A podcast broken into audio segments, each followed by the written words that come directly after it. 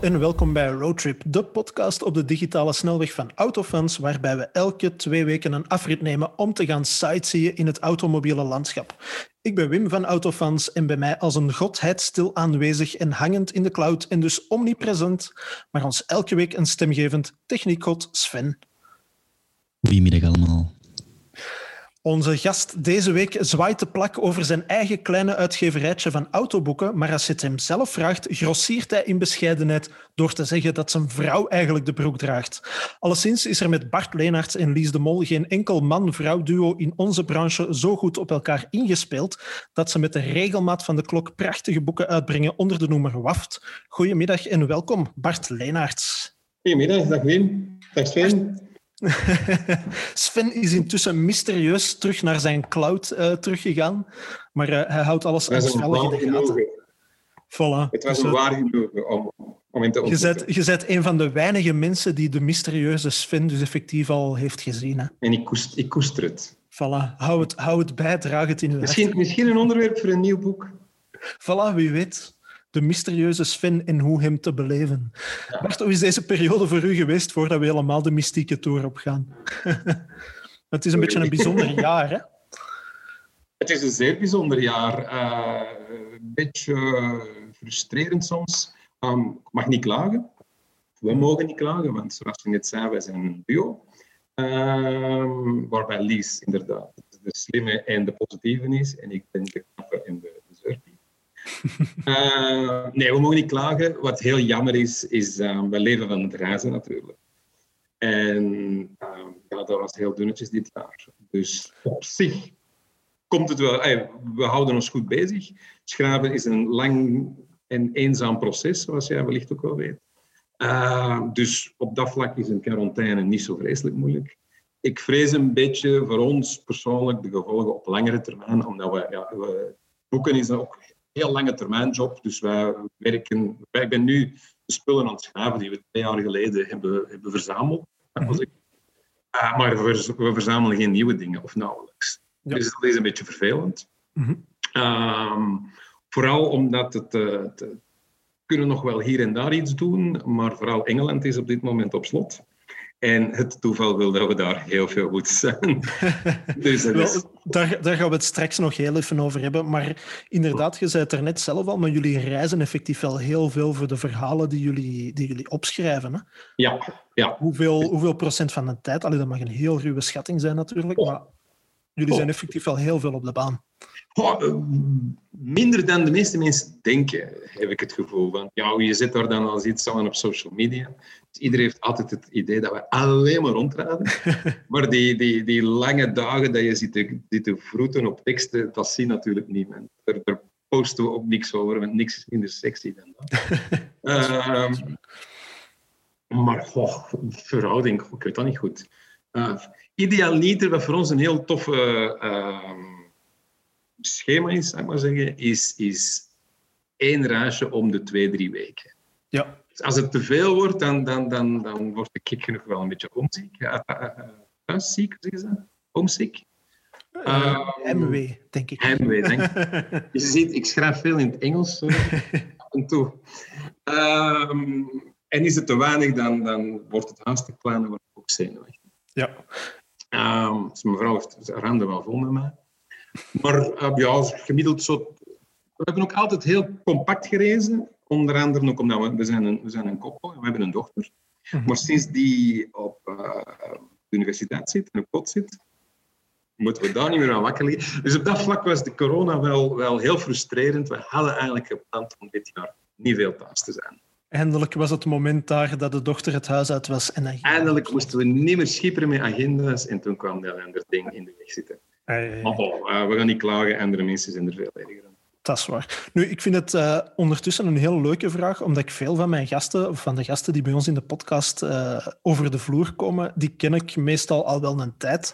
Maar we hebben het nooit over dingen als hoe de autoliefde bij hun ontstaan is. Hoe is dat bij u eigenlijk tot stand gekomen? Want ik ken u ondertussen ook al een paar jaar, maar veel gasten zeggen van, goh, als klein jongensje uh, kon ik al meer automerken opnoemen dan woorden uitspreken. En... Hetzelfde, hè. echt letterlijk hetzelfde.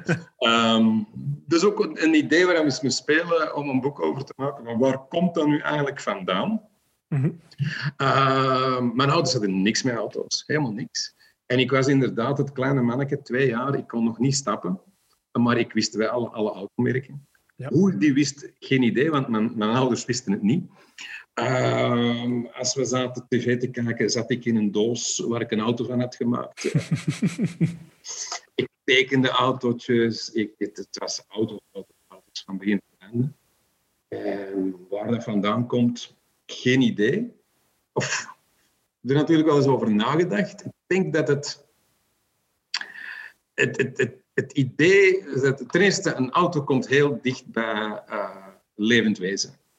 Mhm. Van alle dingen die de mens ooit heeft gemaakt, wellicht het meeste. Het beweegt, het stinkt, het maakt lawaai, het, het heeft een gezicht, vaak letterlijk. Uh, uh, we spreken ook over de kont van een auto, de billen van een auto. Uh, tegelijkertijd is het... Ik word bijvoorbeeld heel zenuwachtig van paardrijden. dan ben ik absoluut ongelukkig. En dat is wellicht omdat een paard is, is niet zo niet controleerbaar. Dat heeft een eigen wil. Ja. En, en wat, wat, wat autorijden zo sexy maakt, denk ik, is, is het feit dat je iets kan controleren dat veel groter is dan jezelf, veel sterker is dan jezelf, maar je kunt dat wel perfect beheersen. En, en denk dat het daar vandaan komt. Ja. Is dat een antwoord op uw vraag? Ja, zeker. Absoluut. Uh, nu, ik denk dat het inderdaad ook een beetje het... Um, dat daar nog wel een parallel in zit met die paarden en die dieren ook, hoor. Want ik denk dat daar inderdaad ook wel mensen naar streven om zo'n zo dier volledig te kunnen controleren en een kant kunnen laten opsturen dat het ook wel kan. En dat er misschien ook wel een paar uh, laten we zeggen, Italiaanse auto's uit de jaren 60, 70 of Britse auto's uit uh, een iets minder ver verleden ook wel zijn, die ook nog een volledig eigen wil hadden. En die, als je zei, van, ik wil naar links, dat die zeiden, nee, nee, we gaan even naar rechts. En dan gaan we Absoluut, en dat zijn, ook de auto's, dat zijn ook de auto's die ik het leukst vind. Ja. Uh, Zo'n zo, zo een, een, een, een E-Type uit de jaren 60, die je eigenlijk dat je een beetje moet weten waar je mee bezig bent, je moet bijstellen, luisteren. Uh, ja, als dat dan lukt, dat is geweldig. Hè? Mm. Een van de tofste ritten die ik ooit heb gedaan, is met een Bugatti 35. Dat is een dingetje waar dat je alles zelf moet controleren. De voorontsteking, de, de, de benzinedruk. Uh, je moet dat echt in leven houden. Ja. En, en ja, dat is fantastisch. Hè? Uh, en ik, mijn dochter is een paardrijdster. En ja, zij ook, zij vindt datzelfde, dat iets te con kunnen controleren die, die, dat eigenlijk zich niet laat controleren. Dat is heel tof. En ik merk nu ook, we zijn haar aan het leren autorijden, een sensatie op zich, uh, dat ze het eigenlijk opmerkelijk leuk vindt. Ah ja. Dus er is dat, hoewel ze niks heeft met auto's. Nee, nee, nee. Ik wou net vragen, je hebt, je hebt uw hoop er toch nog niet op gevestigd dat er uh, Totaal niet. opvolging komt. Totaal niet. Ik ben eigenlijk ook wel blij dat zijn niet zo... Uh, dat, is, dat is de droom natuurlijk hè, voor automannen, dat hun zoontje een soort Max Verstappen is. Ik ben eigenlijk heel blij dat dat niet zo is. Uh, want hoe graag ik ook met auto's bezig ben, er zijn ook nog wel andere dingen in het leven. Ja, absoluut. Zoals boeken uitgeven bijvoorbeeld. Uh, hoe, hoe zijn er dan op den duur bij gekomen om uw eigen uitgeverij te beginnen en te zeggen van kijk, wij gaan niet alleen een uitgeverij beginnen, dus niet alleen onze eigen boeken maken, maar ook een klein galerijken in Antwerpen waar, waar mensen in gezonde tijden over de vloer kunnen komen en, en ja. naar ons werk. Goh, dat is, dat is een heel lang verhaal. Ik zal het proberen kort We te hebben tijd, Bert. We hebben tijd. Ik ben sowieso met een enorme omweg uh, uiteindelijk autojournalist geworden. Uh, hoewel dat heel lang mijn droom was. Uh, maar het heeft geduurd tot ik flink in de dertig was en al getrouwd was en een kind had, toen ik toch mijn eerste stappen heb gezet. -hmm. Heel snel hebben we dan ontdekt, een verhaal op zich, dat mijn vrouw eigenlijk een zeer begenadigd fotograaf is. En nog sneller ontdekten we dan dat dat toch wel een bijzonder toffe combinatie is. Je weet ook, als autojournalist kom je op heel toffe plaatsen. Maar vaak is het wel zo, ja, staan er daar met andere lelijke autojournalisten. dus ik dacht dat we toch beter kunnen. Um, dus zijn we beginnen samen te werken. Heel veel interviews deden wij, reportages. Snel ook ben altijd wel geïnteresseerd in het bredere verhaal. Dus, dus proberen een link te leggen met, uh, met cultuur op de een of andere manier. Vaak waren dat designers. Uh, maar even vaak was dat oh, in het spoor van Hemingway door Spanje. Uh, in, in het spoor van Dante Alighieri door Italië, dat soort dingen. Ja. Heel veel plezier gemaakt. Ehm, dat ging ook supergoed. Op een bepaald moment, 2008, 2009, ehm, hadden wij klanten in Engeland, Rusland, Italië, Frankrijk. Dat ging echt goed. Uh, maar tegelijkertijd was er wel zo'n beetje een frustratie van... We leggen er altijd onze ziel en zaligheid in, vooral Lies dan, in haar foto's. En op de een of andere manier kwam dat er toch niet helemaal uit. ik, ik, had ook heel specifieke ideeën over de verhalen, terwijl de magazines meestal toch meer dadelijk autotests wilden. Um, en, en, en we hadden een beetje centen uh, geërfd, omdat de mama van Lies was overleden. En we hebben er heel lang over gedaan, van wat gaan we daarmee doen? En op een bepaald moment kwam het idee van, als we nu eens een boek maken, um, dan kunnen we ons eigen ei leggen, kunnen we het helemaal doen zoals we het zelf willen. Mm ja, dat, is met een, dat is een enorm lang proces geweest, door twee jaar of zoiets, om te zien wat gingen we doen. Uh, en dat is WAFT 1 geworden. Ja. Uh, maar we hadden toen absoluut niet het plan om, om een uitgeverij te worden. De reden waarom dat we dat zelf hebben uitgegeven, was omdat niemand tijdens het wilde dat klinkt tussen uh, 90% van de muziekbandjes die ik doe. we geven het zelf uit omdat niemand anders het wil. Wellicht zo. En eigenlijk, ik zou nu graag willen zeggen dat het allemaal een big masterplan was. Maar de eerlijkheid of de waarheid heeft zijn rechten. Dat is niet zo. Het is eigenlijk allemaal heel erg toevallig gebeurd. Dus we hebben dat eerste boek gemaakt. um, dat was een, een, een beetje een vreemde, eclectische mix van verhalen. En dus de reden waarom dat niemand dat wilde uitgeven. Uitgeverijen willen een heel duidelijk... Er bestaat zoiets als de zeven seconden regel in uitgeverij. Dus je moet een boek kunnen uitleggen in zeven seconden. Ja. Toen vond ik dat absolute onzin. Twintig boeken verder begin ik te begrijpen. Wat we wilden dat uitleggen. We hebben dat gelegd. Uh, zaten we ermee? Wat gaan we ermee doen? Mm um, zijn we gewoon beginnen e-mails te sturen naar de mensen die we kenden. Uh, heel veel mensen zijn dan, ah, tof, uh, ze zullen dat kopen, zullen die plezier doen. En dan zitten ze wel snel aan een paar honderd exemplaren. Ja. En dan hebben we dat opgestuurd naar wat kranten. En dat is eigenlijk heel tof opgepikt, onder andere. En dat was wel cruciaal erin, denk ik, voor Harry Match. Ah, er heel veel geluk dat de, de, de toenmalige hoofdredacteur, dat, die, die zag daar iets in, dus heeft er een heel lovend stuk over geschreven. Mhm. En dat heeft ons heel veel verkoop opgeleverd in Frankrijk. Heel vaak mensen die nu, 10, 12 jaar later, nog steeds alles kopen wat wij, wat wij maken. Dus um, ondertussen, het, dat was niet echt ons plan om daar een merk van te maken. Maar we hadden een titel nodig. Ja. En, en, en uh, we kwamen dan op WAFT na lang nadenken. En onze layouter, een briljante kerel, Paul Poppelier, die dacht van, ik maak daar een logo rond. In plaats van gewoon een titel op een ding te zetten, uh, heeft hij daar een logo van gemaakt. En tot vandaag, kan u zien. Het is inderdaad uh, zichtbaar in de achtergrond, hè? Ja, ah wel, voilà, kijk. Dat is WAFT 1, als ik me niet vergis. Dat is WAFT 1, dit is WAFT Ja. Kun je die ondertussen al uitleggen in zeven seconden? Nee. nee. Uh, zelfs in WAFT 2 staat er op de eerste pagina er een, een, naar onder die zeven seconden regel van wij hebben 256 pagina's nodig. waarover dit boek gaat. Uh, maar nee, om dat, dat logo, uh, ik mag dat zeggen, want het is niet van mij heeft dat gemaakt. Dat is, dat is een briljant logo. Ja. Um, en eigenlijk is dat een beetje, zonder dat we het wisten, is dat een merkje geworden. Mm -hmm. En dan na een tijdje dachten we van, oh kom, we gaan nog eens een boek maken. Dat werd dan over de Belgische autodesigners, iets helemaal anders. Ja. En dan kwam er WAF 2 en dan kwam er... Wat is het dan? Ah, de... Een boek waar ik wel trots op ben. We hebben die, um, wat wij noemen de design directors. Dat was een boek waar dat de negen um, hoofddesigners van de grote autogroepen, dat we die verzameld hebben.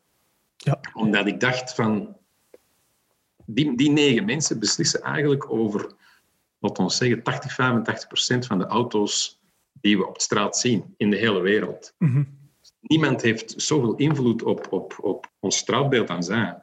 Veel meer dan modeontwerpers of, of iedereen spreekt over architecten, Zaha Hadid. Terwijl Zaha Hadid toch arm. Je kunt perfect een heel leven leven zonder ooit een gebouw van Zaha Hadid te hebben gezien. Dan woonde niet in Antwerpen natuurlijk. Hè. Nee, natuurlijk. Terwijl je kan, je kan niet in, in, in moderne maatschappij leven zonder het werk te zien van Walter da Silva. Ja. Dus ehm, dat was een tof boek. En dan, ja, dan zijn we zo wat meer in die designwereld geraakt. Enzovoort, enzovoort. En ja, nu hebben we er twintig gemaakt. En toen, toen we dat eerste boek maakten, deden we eigenlijk 90% van onze tijd eh, journalistiek. Mhm. En dat boek was zo voor erbij eh, om ons eigen uit te leggen. Dat was 10% of zo. Nu, tien jaar later, is, is het andersom. Ja. Is de Eh, verhouding helemaal gekanteld. en dat was achteraf gezien was dat heel slim, maar opnieuw, het was puur toeval. Eh, want ja, ondertussen is de journalistieke wereld serieus veranderd. Mhm. Van die 20, 25 klanten die wij in 2008, 2009 hadden, is minstens de helft verdwenen. Mhm. Eh, als er niet meer zijn. En, en de budgetten zijn veel minder en, en internet is opgekomen. ehm, enzovoort. Dus uiteindelijk is dat wel heel goed gekomen, maar opnieuw, het was een beetje toeval. Ja, ja, ja. Nu, ehm, vandaag zitten jullie aan de boeken van WAFT zelf, dus WAFT 1 tot en met, zitten jullie aan 5 al, denk ik, als ik me niet vergis. Ehm, hoe begin je aan die boeken? Wat maakt dat een bepaald verhaal geschikt is voor een boek van WAFT of geschikt is voor een ander boek dat misschien over iets totaal anders gaat? Dat is een goede vraag. Daarom stel ik Eh, dat, dat is hier ook steeds een, een, een, een eh, bron van discussie. Mhm. Vaak als we zelf op reportage gaan, vertrek op voorhand van zou dit een wachtverhaal kunnen zijn? Ja. En ehm, hoe moet ik dat zeggen? De, de, de rode draad is eigenlijk dat elk wachtverhaal een bepaalde vorm van quirkiness heeft. Eh, een beter woord ontsnapt me nu. Ja, het moet, moet een beetje Er moet een hoek af zijn. er moet een hoek af zijn, dank u.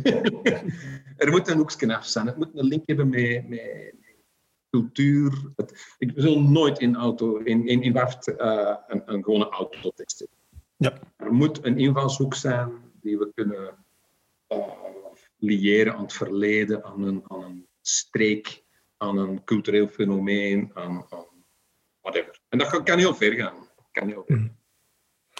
Het idee is dan dat je die, ver, die verhalen gaandeweg tegenkomt en verzamelt en dan misschien aan een tijd gewoon een stapel verhalen bijeen hebt? Of... Ja, het is een beetje een combinatie. Deels wel. Ehm, deels op een bepaald moment heb je dan wel een, een, een soort van algemene. Want vanaf drie hebben ze ook een thema gekregen. Ja. Dat niet super dwingend is, maar toch wel een klein beetje toch iets van een leidraad geeft. Mhm. Op een bepaald moment beginnen dan wel. Vaak hebben we wel een verhaal of vijf, zes voordat we zeggen wat zou het thema kunnen zijn. Ja. Ehm, en dan vanaf dat je dat hebt, ga je natuurlijk eh, een beetje meer in functie daarvan denken. Hoewel het even goed kan als we echt een heel tof verhaal vinden of tegenkomen, of, of, of de spark of genius krijgen. ehm, en ook al past het niet binnen het thema, dan we het wel doen. Ja. Ah, dus dat mag ook niet te dwingend zijn. Dat is, het mag geen keurslijf zijn of zo. Ja, ongeveer zo. Ja. Ik ben even aan het denken, eh, want WAFT 3, was dat die met de cover van, eh van Evermeulen? Ja, inderdaad. Ja. Ja, daar herinner ik mij dat hij inderdaad eh, nog zo'n heel dingen had uitgewerkt en ook bij de, de vernissage ook aanwezig was om van alles te signeren. ja, dat was heel tof. Hè? En wel, ik was net aan het denken, ik vind dat een heel aimabele mens. Dat is tof. Dat is een heel aimabele mens. Wat er je ervoor al eens ontmoet. En, en, en ja, die heeft het, het autohart echt op de juiste plaats. Dus wat we toen hebben gedaan, ehm, is... is ah, Eddie, Eddie is eigenlijk het tegenovergestelde van ons een beetje. Mhm. Eddie is als kind al, al, al gek, gek van auto's. Maar er was niemand in zijn entourage die dat, die dat steunde. En na zijn studies, ehm trafiek zeker was dat, in Gent, kwam hij snel bij Humo terecht. Mhm. Wat, wat toen een, waanzinnige titel was natuurlijk. En, ehm, maar die moesten niks hebben van zijn autopassie. En eigenlijk zijn entourage ook niet, zijn vrienden niet, zijn, zijn, zijn partner niet. Die waren allemaal zo, ja, maar die gezaagd met die auto's. Denk het niet, maar David Bowie. En, ja. en, en als je zijn werk goed bekijkt, van toen in Humo, zie je dat hij daar opvallend veel auto's in smokkelt. Mm En dat is altijd zo was een guilty pleasure geweest. Zo. Dan moest hem Lou Reed, maar dan zat hij toch in een Cadillac. Ja, ik wou net zeggen, van die grote Amerikaanse sleeën. Ja, ja. Hij heeft, het, heeft, heeft het volledig voor Amerikaanse auto's. Maar hoewel zijn echte liefde, en hij had dat eens verteld, zijn echte liefde was begonnen met een Porsche 550 Spider. Ah ja. Dus hij woonde in het Kortrijk, hè, in Mhm. naam van de gemeente ontsnapt me nu. Een klein deelgemeente van Kortrijk. En daar was iemand, een Christian Goedhals, eh, de zoon van een baron. En men noemde die de zot van het kasteel. Christian Goedhals was typisch in die periode, bestond dat nog. Een, een visa papa, die zwom in het geld. En die wilde gaan koersen. En die had een Porsche 550 Spider gekocht in, in, eh, in Zoffenhausen. En heeft er, heeft er vrij succesvol. Heeft Le Mans gereden. eh, en die oefende vaak met zijn 550 Spider in de, in de hof van het kasteel. Mhm. En kleine Eddie was negen jaar en ging daar in de Haag kijken naar die Porsche. En dat heeft eigenlijk zijn, zijn, zijn, zijn autoliefde Aangewakkerd. Ja. Aangewakkerd, wou ik zeggen. Ja, voilà. Dus dat heeft ons, ons aan het denken gezet. We zijn op zoek gegaan naar dat kasteel, dat bestaat nog. Die tuin bestaat nog. Uh, Goedals is, is, is al lang overleden. Maar we hebben ook een Porsche 550 Spider gevonden. En we zijn met Eddy terug naar die plaats gegaan, met een 550 Spider. En dan heeft hij er eens mee kunnen meeraden. En ja, dat was, dat was tof. Hij was als een kind zo gelukkig. Um, en heeft er dan een kunstwerk over gemaakt. Heel schoon. Uh, heel tof. En dat staat dan bij de, bij de limited edition. Dat was, dat was een grote poster, denk ik. Hè? Ja, ja, ja. ja wel. Ik heb hem hier ook. Ik heb hem nog altijd niet opgehangen. Tot mijn uh, scha en schande moet ik dat toegeven. Maar ik heb hem hier nog altijd ergens liggen, effectief. Wij waren onlangs bij Eugenio Amos. Ken je die? Van, uh, niet meteen. Ah, Amos Automobili, die die restomod van een Delta. Ah, jawel, jawel, jawel. Ja. En zelfs daar hangt hem in zijn garage. Ah, kijk. Voilà. Dus. Wel, ik heb daar ook nog een heel geestig verhaal over, over want het is erom dat ik eraan dacht, aan, uh, aan Eddie Vermeulen. Dat was voordat jullie dat boek hadden uitgebracht. Toen werkte ik zelf nog voor Driver. Dus in mijn vrije tijd aan bloggen over auto's, in de, in de zoektocht naar een opstapje naar ergens een vaste betrekking als autojournalist, ook op latere leeftijd. Um, en ik had eens iets getweet over de Alfa Romeo Giulia, dus het huidige model dat toen net was voorgesteld. En dat was toen een auto die heel vaak terug naar de tekentafel moest, omdat uh, Sergio Marchionne er niet tevreden over was en ze moesten zo'n paar keer opnieuw beginnen. En ik moet eerlijk zijn, toen dat die een auto pas werd voorgesteld, dus toen dat, dat design zichtbaar was, was ik daar niet laaiend enthousiast over. En ik had dat zo'n stommeling is, is Nog steeds niet. Ah, wel. de tekentafel, denk ik. voilà, ik, ik vond daar zoiets heel Amerikaans ook in zitten. Ik weet niet mm. juist wat precies, maar... En ik had er iets over getweet van als dat het resultaat is van terug naar de tekentafel te gaan, dan vrees ik er een beetje voor. En ineens krijg ik zo via Twitter, ik zit daar al lang niet meer op, want ik vind dat nu echt een afschuwelijke medium geworden, maar ik kreeg een privébericht van iemand die uh, voor de VRT werkte. En die waren met een proefopname bezig van een nieuw Actua-programma. En die wilden als een van de onderwerpen voor een proefaflevering het daarover hebben. En die zeiden van, ah, wilde jij niet komen, er iets over komen vertellen? Uh, samen met Eddie Vermeulen. Oh, tof. En ik dacht van, ja, weet je, waarom niet? Maar weet wel heel goed dat ik helemaal geen professionele autojournalist ben. Ik ben gewoon een hobbyist uh, voor wie dat, dat iets uit de hand aan het lopen is. Maar als je dat wilt, dan wil ik dat wel komen doen. En ik ben dan effectief naar een proefopname geweest van een programma dat vandaag De Afspraak heet. Dus redelijk bekend. Uh, en dan heb ik samen met Ever Meulen effectief over Alfa Romeo gepraat. En is er is nooit iets mee gebeurd, gelukkig, want ik pak eigenlijk niet echt goed op beeld, ook niet. Maar uh, achteraf hebben wij er echt nog een hele tijd over zitten praten. En het ging dan over de auto van ons vader, waar ik lang naar op zoek ben geweest, omdat hem die heeft gehouden totdat ik twee jaar was. En... Um, ja, mijn ouders leven niet meer, dus ik kan het hen ook niet meer vragen. Maar ik wist dat het een Renault was, maar ik wist niet meer welk type.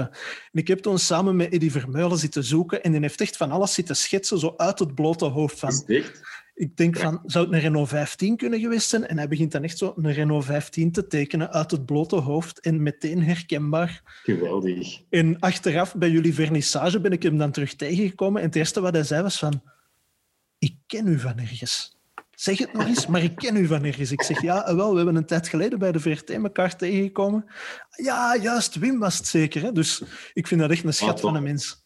Dus, uh, dat is een heel amabele man, absoluut. absoluut. Voilà, want ik keek er eerst ja, die... een beetje tegenop, want dat is effectief de Evermeulen van de humor en van de tekeningen. Ja. En, uh... en die vernissage was ook een succes. Uh, ja. Dat is echt heel tof. Heel tof. Voilà. Dat hebben we eigenlijk, moet ik eerlijk toch even niet meer kunnen herhalen. Nee. Ja, in deze tijd is dat natuurlijk ook een stuk moeilijker. Hè? Nu is het heel lastig, ja. ja, ja. Nu, een compleet andere vraag. Uh, omdat we het er net hadden over die verhalen die dat je dan gaandeweg verzamelt. Hoe moeilijk is het om sommige van die verhalen uit te werken tegenover, uh, tegenover in het begin, toen jullie eraan begonnen? Is de naam Bart Leenaerts ondertussen al iets dat af en toe een deur wat makkelijker doet opengaan? Of oh, altijd is ook een uh, muren waar je tegen stot? Waarvan dat ze um, ik, ben, ik ben eigenlijk, wel dat dat enorm tegen mijn, uh, mijn natuur is, mm -hmm. denk ik eigenlijk altijd heel arrogant geweest. Om het zo blunt te zeggen. Uh, dus ik ben altijd, um, als er merken bij betrokken worden, mm -hmm. heel erg, we gaan dit doen. Ja. Niet, niet, hey, ik was eens aan het denken, zouden we misschien eens kunnen... Nee, nee, we gaan dit doen. Mm -hmm. en, en, en opnieuw, dus, en dat is niet mijn normale natuur, hoor, maar ik weet niet goed waar ik dat zelfvertrouwen vandaan haalde. Sommige mensen noemen het Antwerps. ja, wellicht wel. wellicht. En, en zo uh, met, met een air van, jullie mogen blazen dat ik jullie heb gekozen om, om dit verhaal te maken. En dat is eigenlijk altijd heeft dat vrij goed gewerkt. Ja. Um, en op een bepaald moment ja, heb je natuurlijk een soort van portfolio en, en, en je kunt al eens... Pff, dat, je, dat klinkt allemaal heel, heel verwaand, maar als je, als je met, met Veyrons en Chirons hebt, hebt gereden, dan gaat het jaar van Porsche niet zeggen, je mocht niet meer onze Cayman. Ja. Um, dus, dus op een bepaald moment wordt dat wel zo'n soort self-fulfilling prophecy of zoiets. Um, en wat dat ook zeker meespeelt, is uh, er is toch wel iets, iets heilig aan, boek, aan een boek. Ja. Als je zegt dat het voor een boek is, kan er veel meer. Het is een pak minder vluchtig natuurlijk. Hè, dan, Ja. uh, dan- En ik moet ook zeggen, maar dat moet je tegen niemand zeggen. ik, spreek, ik speel heel vaak vals. Uh, in de zin van, we hebben van begin af aan hebben we heel veel met design gewerkt. Dus ik heb een, we hebben een heel goede relatie met, met veel designers. En we gaan altijd rechtstreeks. Ja. Dus ik ga altijd rechtstreeks naar de designers. En dan worden de PR-managers helemaal... Hey, je mocht dat niet doen. eh, je moet naar mij. Ik, ik, ik, ik moet niks. ik moet niks. Ja, maar... Luister, jullie mogen misschien tegen jullie designers zeggen dat ze niet mogen oppakken als ik bel. Maar we leven niet in Noord-Korea. Ik mag iedereen bellen. Eh, en ik mag dat vragen. En, en soms wat voor problemen gezorgd, maar eigenlijk niet veel. Eigenlijk niet veel. Ja, je is er nog nergens verbannen. Nee, nee, nee. Ik heb wel eens een paar eh, flinke ruzietjes gehad met merken. Mhm. Ehm, wordt veel, heel Ik ben een echt een hele kalme mens, een hele rustige mens. Maar als ze mijn pen vasthouden, dan word ik wel... Ja. Dan word ik wel een hele vieze. Ja. Eh, dus dat is twee keer gebeurd, denk ik. Ik zal de merken nu niet noemen, maar dan... dan nee, dan geef ik niet toe. Mhm. No way, no way. Dus op één merk heeft gevraagd om, om met, met, met rechtszaken. Uh, zie, dat moet je allemaal doen. ik ga dat niet doen. Ik, Ja. Wat ik doe, ik, ik film ook al mijn interviews. Hè. Ehm, en ik denk eigenlijk dat ik mag zeggen dat ik niet... niet ik, ik, ik doe niet aan negatieve journalistiek. Mhm. Dus ik zal iemand die ik interview nooit, nooit in de hoek zetten of klem zetten. Of, of, ik zal nooit proberen eh, uitspraken te ontfutselen over andere merken. Want die nieuwe Alfa is toch wel lelijk. Hè? Eh, omdat dat een Ik verwacht, ik verwacht straks een boos telefoontje van Alfa Romeo over de Giulia. Dus dat zal ik nooit doen. Op dat vlak bescherm ik die mensen wel tegen zichzelf. Mhm. En ehm, meestal, ik stuur eigenlijk ook, behalve als heel expliciet vragen, stuur ik eigenlijk ook nooit eh, mijn teksten door. Ja. Wel, wel zo bij die designboeken, ehm, die zijn geschreven vanuit de ik-vorm. Mhm. Dus ik, Adrian van Hooijdonk, ben geboren in papapaap. En ja, dat moet wel, hè. Dan, dan kun je dat niet anders. eh. Dus we hebben iets heel grappig meegemaakt trouwens. Wat je dan doet, is... wordt er wat, uh, wat uh, ervarener in. Dus je zet daar een paar dingetjes in die een beetje te blunt zijn, te, te, te brut zijn. Ja. Dan hebben ze iets om te schrappen. Mhm. Terwijl, ze zullen toch, zullen toch iets schrappen. Dus kun je beter een beetje meer doen en dan, en dan is iedereen tevreden. En in het beste geval mogen ze het blunte stuk laten staan. Als ze erover... Ja, en dat is, mij één keer, dat is mij één keer overkomen. Ah ja. Uh, dat ik totaal niet had verwacht bij Luca di Montezemolo. Mm Die wij gingen interviewen uh, voor de, over het design van, van de LaFerrari. En die Montezemolo zegt op een bepaald moment: Sergio Marchione doesn't understand shit about cars. dus ik dacht, weet je wat, uh, ik zet dat erin. Die gaat dan zeker Ferrari, ik bedoel, Ferrari, de PR-dienst van Ferrari is, is, niet de gemakkelijkste ter wereld. Die gaat dat daar zeker uithalen. Prima. Ik krijg dat terug, dat is er niet uitgehaald. dus het staat in ons boek. Luca Di uh, Marchione doesn't understand shit about cars. dat, is, dat is wel een schone om te onthouden, natuurlijk. Als Ja, je ja. dat kunt zeggen van... Ik weet niet die dat mensen dat laten zeggen. later was die Montezemolo ontslagen. Ik weet niet dat het er iets mee te maken dat is juist, want je werkt daar inderdaad al lang niet meer. Hè? Nee, nee, die is dan twee weken nadat ons boek is verschenen. Maar ik veronderstel dat dat toeval is. Ja, voilà. Ehm, maar is dat ook de manier waarop... Want jullie hebben een paar verhalen of een paar mensen ook echt van heel dichtbij kunnen volgen. Hè? Ik denk bijvoorbeeld maar aan, aan dat tweedelig geluid dat jullie van eh, de Scuderia eh, Cameron Glickenhaus hebben Ja. gemaakt. In eh, het boek over Roef, over Alois Roef. Dat zijn echt ja, personen die je echt van dichterbij hebt gevolgd. Hè? Ja, ja, ja. Eh, ja, dat, dat, zijn, ja, dat zijn projecten waar je twee jaar mee bezig bent. Mhm. En eh, ja, dat worden dan vrienden. Hè. Ja. Eh, maar dat is heel plezant. Dat doe ik eigenlijk op dit moment heel graag. Met auto's rijden is leuk, maar op een bepaald moment... Ik weet niet dat jij er al zei, maar op een bepaald moment heb je het wel allemaal gezien. Klinkt misschien Ja. heel, heel arrogant. Ik kan nu niet meer... Vroeger wel. Hè. Vroeger, Mhm. Als er een Ferrari stond... Ah, wel. Ik, ik ga misschien even gewoon het, het journalistiek correcte antwoord geven. Als in de gewone auto's, dus de klassieke auto's. Ik heb een beetje het gevoel van... Ja, dat hebben we al eens gezien. Of dat is dezelfde basis, maar in een andere vorm. En er zit veel herkenbaar in. Maar ik ben heel blij dat we nu zo echt op dat scharnierpunt van de elektrische auto zitten. Want dat is echt iets nieuws en daar gebeurt keiveel in. En dat is interessant om van heel dichtbij te volgen. Dat is wel waar. klassieke auto is zo wat... Ja, Ja. ik weet het niet goed. Daar heb ik af en toe ook wel dat gevoel bij. En ik vind dat heel jammer, want ja, uiteindelijk is dat wel iets waar dat je gepassioneerd door bent en waar dat je dag in dag uit mee bezig bent. Dus Ja, ja, dat is zo. Maar ehm, om op jouw vraag te antwoorden, ja, we hebben op een bepaald moment hebben we dan dat boek gemaakt. Ik was eigenlijk al heel lang ehm, gefascineerd door het feit dat een auto ontzettend veel value for money is. mhm.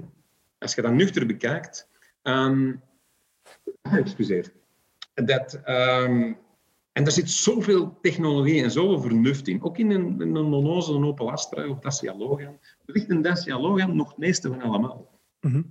Ehm, en ik dacht, mensen hebben geen idee eigenlijk hoeveel dat daarin zit. Als je ziet een Dacia Logan, wat kost dat nu? 10.000 euro.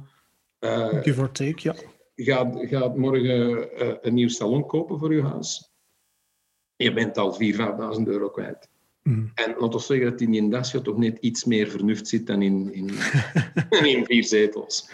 Ehm, dus heel snel had ik het idee van, trouwens van mijn boeken begonnen, ik wil zo eens de ontwikkeling van een auto volgen. Ja. Begin tot einde, helemaal. Ik heb dat tegen duizend en één mensen gezegd en iedereen, oh ja, dat zou interessant zijn. Maar, maar dat kwam er nooit van, want ja, dat is moeilijk en, en duur en, en geheimhouding en politiek en wat weet ik allemaal. En, maar ik had toen het idee van een Golf of een Opel Astra of whatever, zoiets. Een, een Mhm. gewoon simpel auto. Maar gewoon dat je weet van zo'n achterlicht, de, de, de, de, dat aankoopproces, dat designproces, die wetten, die, die dingen. Op een bepaald moment krijg ik op één week van twee mensen telefoon van hey, weet nog dat jij dat altijd eens vroeg? Eh, wij hebben misschien iets. Het is niet helemaal wat je dacht, maar het is wel mogelijk hier. En de ene was Louis Vermeers, de designer van uh, Grand Studio. En de andere was Paolo Garella, een ingenieur uh, die vroeger bij Pininfarina al die one-offs deed. Ja. En nu zijn eigen firma heeft. En dat ging dus over hetzelfde project, grappig genoeg, de Glickenhaus auto. En dat hebben we snel gezegd dat we dat wouden doen. Ook al was er een enorm risico dat we er iets aan gingen verdienen aan dat boek. Uh, het idee was dat we uh, de hele ontwikkeling mochten volgen. Van begin af aan, van de eerste tekeningen totdat een auto af was. Ja. En omdat Jim er toen geen enkel uh, commercieel plan mee had, hij wou gewoon één auto bouwen voor zichzelf en klaar, mochten wij alles zien, alles. Uh, uiteraard hebben we het boek voordat we het gingen, gingen drukken naar hem opgestuurd, dat hij het mocht nalezen. Maar heeft letterlijk twee dingen veranderd. Zijn uh, geboortedatum die fout was en nog iets. De, de naam van zijn, van zijn vrouw of zo, weet ik veel. Ja. en voor de rest is dat boek verschenen, zo, met alle fouten en, en, en, en hindernissen en, en ruzietjes die er tijdens dat proces is gekomen, is, is gedrukt. We hebben dat op het Salon van Genève mogen voorstellen, samen met Lau. Mm -hmm. En uh, voor het einde van het salon stond Ferrari bij ons. Wij willen dat ook. McLaren, wij willen dat ook. En nog iemand, ik weet al niet meer wie. Ferrari, McLaren en nog iemand. Er is uiteraard niks van gekomen. maar... ja, als Ferrari het natuurlijk van A tot Z wil nalezen en veranderen. Ja, voilà, maar die zijn daar niet klaar voor en die zullen er nooit klaar voor zijn. Maar een jaar later krijgen we een paar dagen voor Genève telefoon van Miles Nuremberger, uh, designer bij Aston Martin. En die zegt, hey, ik heb dat boek vorig jaar ook gezien op uh, Genève. Um, kom eens langs dit jaar op Genève, kom je praten. Goed, wat doen we dat?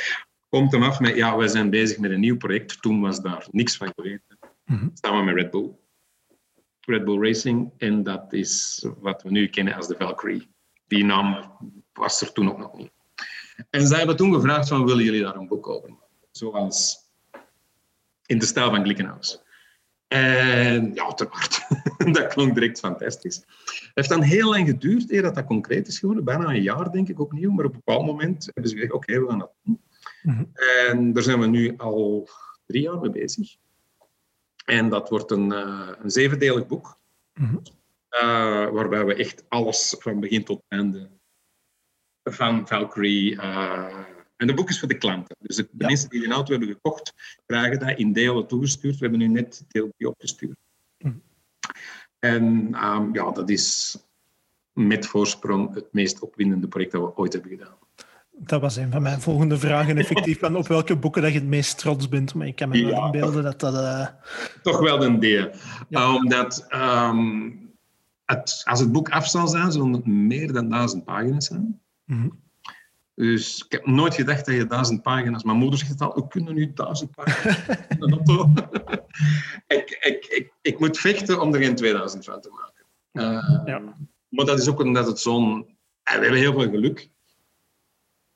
Het, het toffe is, het is een boek dat is, dat is nog nooit gedaan. Mhm. Niemand heeft ooit eh, onafhankelijke journalisten zoveel toegang gegeven tot een project voor zo lang. En toegelaten dat ze er zo open over communiceren. Ja. Er staan dingen in dat boek dat bij geen enkel ander merk zou passeren. Mhm. Dat wil ik inderdaad net vragen. Van, houden ze in de gaten van wat jullie schrijven en wat jullie niet schrijven? Of krijgen jullie effectief behoorlijk wat carte blanche? We krijgen quasi volledig carte blanche. Dus onze, de manier waarop we werken is, eh, zodra een, een boekdeel af is, stuur ik dat op naar Aston Martin. Mhm. Zij bekijken dat en sturen eh, voorstellen tot, tot aanpassen terug.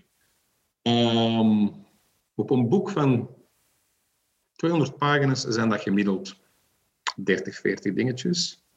Ja. En dat zijn dan vaak... Ik durf nog wel eens dingen onder de gordel doen. Eh, dat zijn dat vaak dat soort dingetjes. Hoewel ook daar, er staat in deel 2, eh, is een hoofdstuk dat heet Fucking Struggle. Mhm. Eh, dat verschijnt gewoon. Ja. Eh, verder, wat staat daarin? Eh, waar, waar hebben ze la- last mee? Ja, typisch dingen die, die, die ondertussen veranderd zijn. Kleine dingetjes. Maar dat is... Dat is je bent altijd ehm, een klein beetje nerveus als ze iets wijzigen aan die ding natuurlijk. Maar het is, het is waanzinnig wat ze doen. Het is Ja. Vertrouwen dat ze in ons hebben en het vertrouwen dat ze in zichzelf hebben, Mhm. eh, is, is, is, is fantastisch. Want je kan bij 80% van de dingen die erin staan zeggen van, "Oeh, zullen we dat nu wel doen? Want uiteraard gaat het over failure. Uiteraard gaan er dingen mis. Het is, het is, het is een, een, ontwikkelingsproces. Ja. Maar, maar zij redeneren van, we moeten niet doen... Eigenlijk is het helemaal het tegenovergestelde van wat de Duitse industrie op dit moment. De Duitse industrie, auto-industrie, wil heel graag een beeld ophangen van die een waanzinnige, excuseer, geoliede machine zijn, waar eh, men van voor wat bits en bytes inkapt. Mhm. En waar op het einde prachtig afgewerkte, complete foutloos auto's uitkomen zonder dat er één mens aan te pas is gekomen. Ja. Want mensen maken fouten. Er- ik wou net zeggen, er, er zijn geen softwareproblemen in Wolfsburg. Er zijn er geen. Voilà. voilà. Hier is het andersom. Bij Aston Martin zeggen ze van oké, we, we, we laten zien wie de mensen zijn achter die auto. We laten Mhm. zien welke problemen dat ze hebben. Omdat ze ervan overtuigd zijn, en ik deel hun mening, dat het voor de klant nu pas gaat om zien hoeveel, hoeveel eh, effort, hoe zeg dat? Ja, de, de inspanning die ze leveren. inspanning daarin zit. Hoeveel Ja. moeite en knowledge. En, en, en, en, want het is waanzinnig. Het is Mhm. ongelooflijk hoe complex het is, zo'n auto bouwen. En, en ik ben super trots dat we dat eindelijk eens mogen vertellen. En ik ben, ja, het is natuurlijk dan ook nog eens de graafste auto. dus, dus, en wat het extra interessant maakt, is natuurlijk die, die clash tussen Aston Martin en Red Bull. Hij samenwerking clash. Twee heel andere bedrijven Ja. met heel andere motieven, die samen de ultieme hypercar gaan maken. Ja, dat is vuurwerk. Mhm. Ja, ja, en op zich zit er natuurlijk ook zo wel een beetje, omdat je het daarnet had over die, die Duitse machine die de perfecte auto's willen afleveren, er zit ook wel een beetje dat cultuurverschil in, hè? dat je effectief die Duitse geoliede efficiëntie hebt. En als je het nu zo vertelt over Aston Martin, zo dat idee of dat romantisch ideaalbeeld van, van eh, guys in their shed mending cars, die zo effectief gewoon aan een auto zitten sleutelen en ja, zit het niet goed, dan doen we het opnieuw en zit het wel goed, is te beter. Dat zit daar precies wel wat in, hè? Zo van, Absoluut, absoluut. Wat, wat, wat ook, wat ook, nu, het is niet meer dat natuurlijk, hè, want, want Valkyrie is, is een hypermoderne auto en, en 90% van de... De ontwikkeling is volledig digitaal gebeurd. ja, ja uiteraard. Uiteraard. En, en 90% van de problemen nu ook zijn, zijn softwareproblemen. Ah. Hardware is het eigenlijk allemaal, hebben ze waanzinnige dingen gedaan. Maar die software is zo onthutsend complex. Ik had ook geen idee. Dat die, die, om die systemen te kalibreren, om, om, om die schakeltijden te beperken, om dat een beetje deftig te laten gebeuren, om een motor te homologeren door de emissietesten te krijgen. Het- je hebt geen idee hoeveel werk erin gaat. Er zijn letterlijk Ja. Crews van vier, vijf crews van tien man, Alex, die daar nu al twee jaar mee bezig zijn, van 's ochtends tot avonds. S ochtends tot avonds Ja. zijn die daaraan bezig. Alleen om die software juist te krijgen. Dus. En, en, en ehm, niemand weet dat. dat, dat nu, hier is het natuurlijk ook heel extreem, omdat, omdat alles aan Valkyrie is nieuw. Mhm. En je zei het net zelf, ehm, alle de auto's die wij vandaag kopen, zijn eigenlijk buiten de, de, de verpakking min of meer hetzelfde. Ja. Dus, dus als, als, als Volkswagen een, nieuw, een nieuwe Golf ontwikkelt, is 70, 80 procent carry-over. Mhm. Gaat verder op, op het voorgaande. Valkyrie niet, alles is nieuw. Er zijn letterlijk drie onderdelen aan een auto die, die van iets anders komen. Dat is de toeter, de, het stuurhuis Mhm. en eh, de, de katoog, de reflectoren van achter. Ja. Dat is het.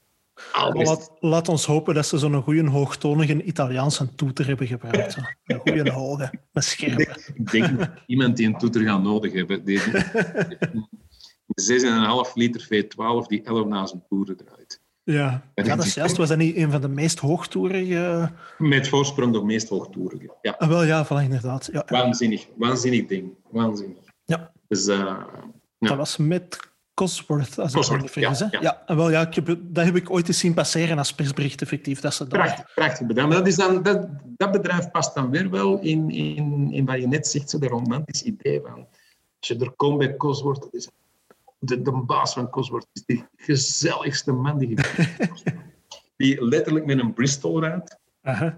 En, en, en Hawaii-hemdjes draagt. en en, en zo'n gezellig pensje heeft. Zo'n echt een warme beer.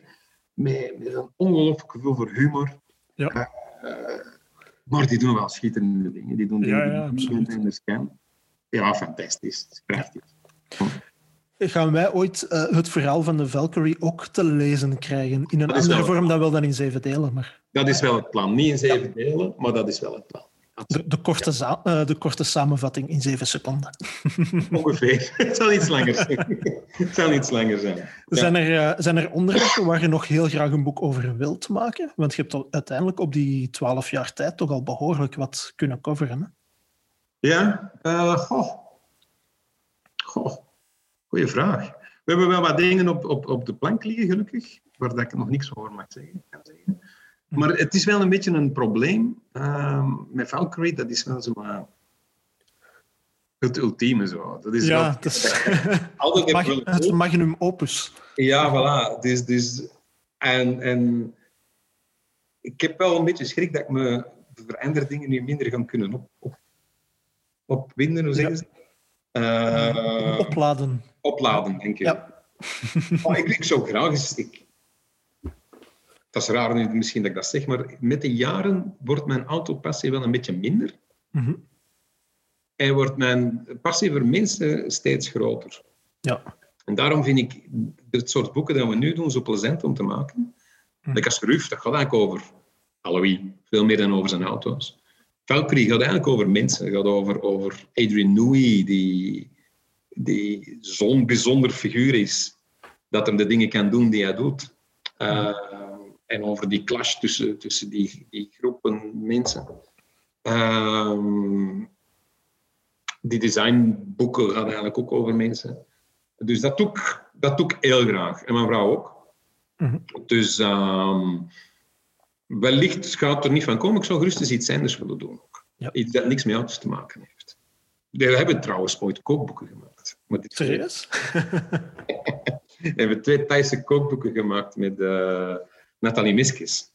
Ah ja, uh, met een restaurant op, op het zuid bij jullie in de buurt. Ja, ja exact, ja. exact. Ja. ja, plezant. Nooit ah, zo ja. te lachen. Dat is heel tof, heel tof om te doen. Ook al heb ik geen verstand van koken. uh, je had het daarnet nog heel even aangehaald, het boek van Alois Ruf, of Roef. Ik weet eigenlijk eerlijk gezegd niet hoe dat je het correct uitspreekt. Ik zou denken Roef, omdat het een Duitser is, maar ja, wel. ja. Um, hoe is dat precies tot stand gekomen? Want dat is ook waarschijnlijk meer het verhaal achter, achter het merk of achter het dingen, meer de mensen. Ja, Goh, uh, we waren dus bij Alois geweest. En Alois is, is de charmantste man die je kunt verzinnen. Mm-hmm. Na Eddie Vermeulen misschien. Alois is... Je, je, je, het staat ook ergens in een boek. Zet 500 mensen in een zaal en die zullen alle 500 zeggen Alois is mijn beste vriend. Ja. Zo'n mens is ja, ja, ik kan er mij iets bij voorstellen, ja. Ge, ge, dus we waren er geweest en dat klikte onmiddellijk.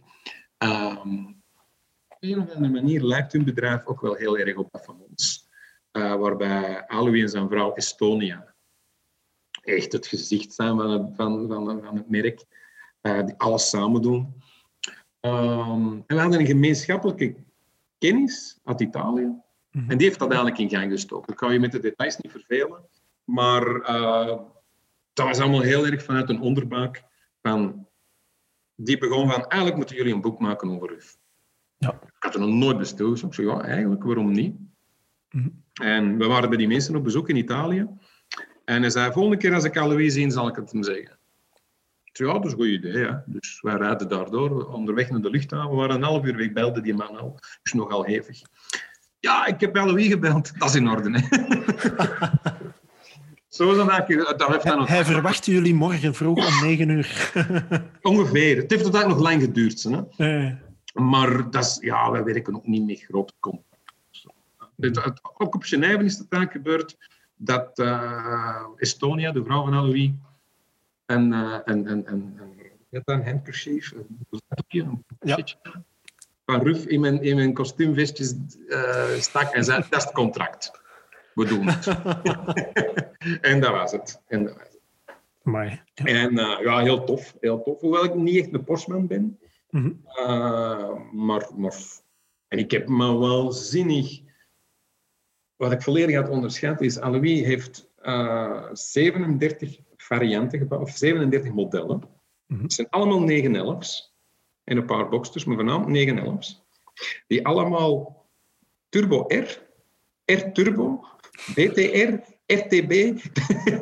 TTR zat er ook nog eens tussen, zeker? Ja. Ik heb er een jaar over gedaan om de verschillende modellen te Maar het is gelukt. Het is gelukt. Voilà. En, ja, en, vind... en ja, zeg maar zo. Een heel tof bedrijf met, met een, een, een heel bijzonder cliënteel. Um, die eigenlijk meer, die kopen een roof om een toffe auto te hebben, maar die kopen voornamelijk een, een roof om lid te zijn van de bende. Mm -hmm. dit, dit, is een soort van clubje.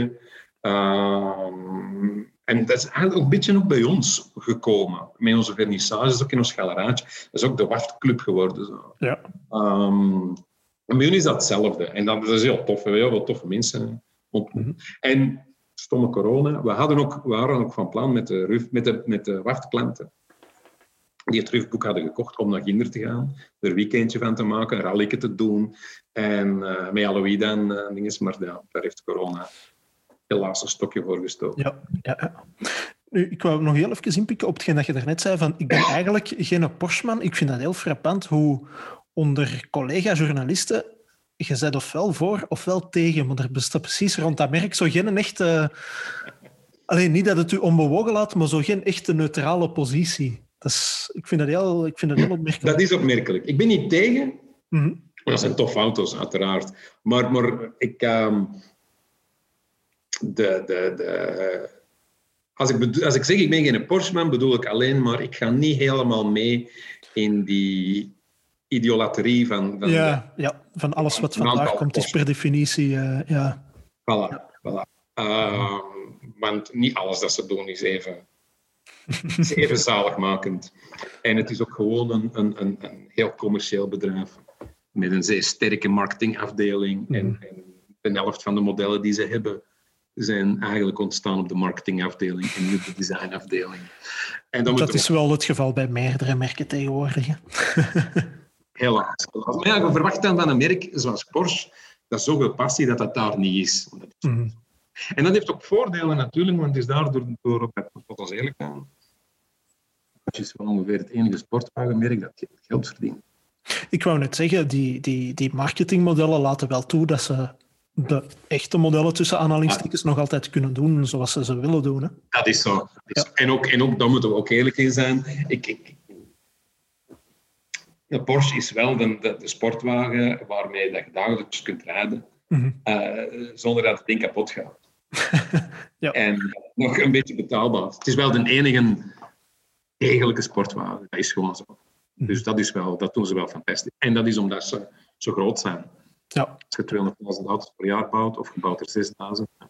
Ja, het is dat. Het is dat.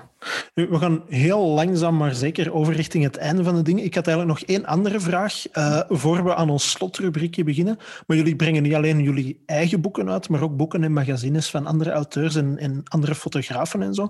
Uh, zoals heel onlangs Garage Rock. Uh, ja, is ook een dat is, dat is, het, is, niet helemaal juist wat je zegt. We verkopen op in zo'n webshop boeken van andere mensen. Mm -hmm.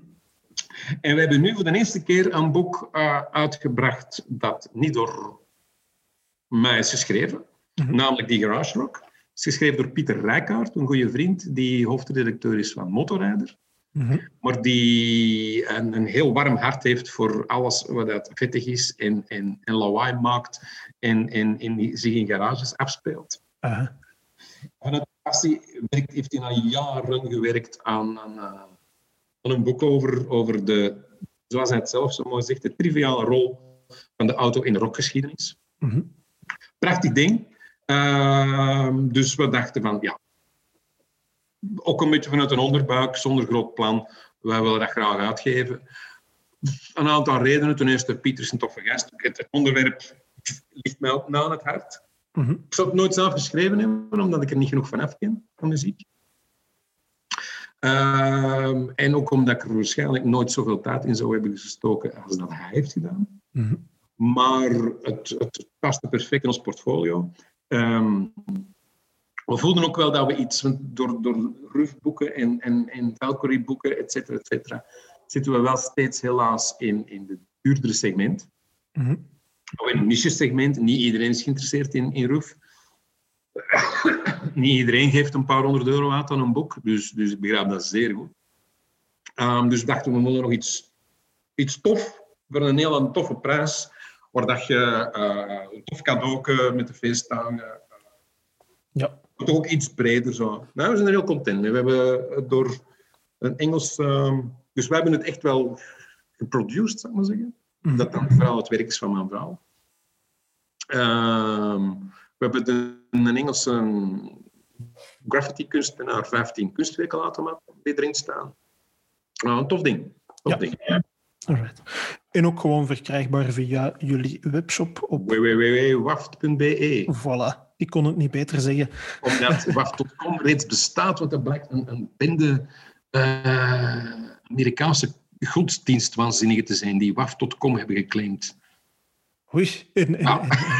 Dat, dat klinkt nu heel intrigerend. Ik ga dat zo eens opzoeken, denk ik. Maar je hebt, eh, je hebt nog geen contact opgenomen met de vraag van zeg jongens, over die domeinnaam kunnen we daar niks over Nee, afspreken. nee, dat niet. Dat niet, dat niet. Ze hebben, ze hebben God aan hun kant, dus daar kan ik niet tegenop. effectief. kunnen er niet tegenop. Zeg, zeg maar dat wij techniek godsvin hebben. Dat is eh, die Ja, dat kijk, voilà. mysterieus in de achtergrond hangt. Bart, voordat het hier helemaal uit de hand loopt, we hebben één klassiek eh, slotrubriekje, dat heet de defenestratie. Oh. Ik stel mijn gasten altijd een dilemma voor tussen twee mild irriterende zaken, omdat ik vind niks is meer irritant dan milde irritatie. Ik weet niet of het dilemma van deze week effectief mild irriterend is of eerder een uitdaging. Maar één van de twee mocht jij vakkundig het raam uitflikkeren, dus vandaar de defenestratie. Stel, je moet een boek of je mocht een boek maken dat volledig uit foto's bestaat, dus waarvoor dat jij alleen de titel mocht aanleveren, maar Lies bijvoorbeeld echt mag shinen met haar foto's. Dus van A tot Z alleen maar beeldmateriaal. Of een boek dat volledig uit tekst bestaat, dus waar jij wel alle werk voor mocht doen, maar er geen enkel foto aan te pas komt. Wat zou u het moeilijkst lijken? Of het minst uitdagend, eh, het meest uitdagend misschien hetgeen dat dan... eh, het... De eerste hebben we al. Aha. Wat dan deze? Wacht, je mocht eh, een klein beetje hoger houden als je wilt, dan komt hem volledig in beeld. Ja. Waarbij dat Lies, prachtig boek, als ik het zelf, Mhm. waarbij Lies helemaal los mag gaan met de foto's. Kunnen jullie het zien? Je mocht hem opnieuw een beetje hoger. hè. Ja. Ter hoogte van uw hoofd ongeveer. Ja. Ah ja, oeh ja. En eh, waarbij ik alleen maar heb gezorgd voor de titel. Mhm. en dat is dan nog een cijfer. En dat is het cijfer. Eh, en dat die titel komt gewoon van het aantal kilometers dat we hebben gereden om al die foto's te kunnen maken die daarin staan. ja. Eh, dus ja, Bo, dat hebben we al gedaan. Dus dat heb je wel kunnen afvinken. Ehm, de tweede ehm, wil ik ooit wel eens doen, ja. maar dat zal dan een roman zijn. Mhm. En zou die dan iets met, met, met eh, auto's te maken hebben of helemaal Er zou wel eens een Aston Martin inkomen. Maar ik, eh, ik heb hem eigenlijk al gemaakt, Ah ja. maar, maar, maar hij, is, hij, is, hij is nog niet af. Aha. Ik heb geen, ik heb geen tijd eh, om hem af te maken, maar ooit komt dat er wel eens van. Dat wordt dan misschien het, het magnum opus van uw carrière. Nee, dat denk ik niet. dat denk ik niet. Nee, dat is gewoon iets... Dat, ja, dat is ook iets... Dat, dat moet, je- als schrijver moet je dat eens gedaan. Je moet als, als man een paar dingen hebben gedaan in het leven. Hè. Ah, wel, ik ben daar Een eigenlijk ook van overtuigd dat iedereen die al dan niet beroepshalve schrijft, maar dat iedereen wel ene goede roman in zich heeft. Ik denk dat echt. Ja, ja, ik denk dat ook. Ik weet niet of hem goed is. Eh, Dan wordt het een autobiografie desnoods, hè, dat mag ook. Maar ik ga dat wel eens doen. Ehm, en, en gewoon voor, voor de Ajax gelegd hebben.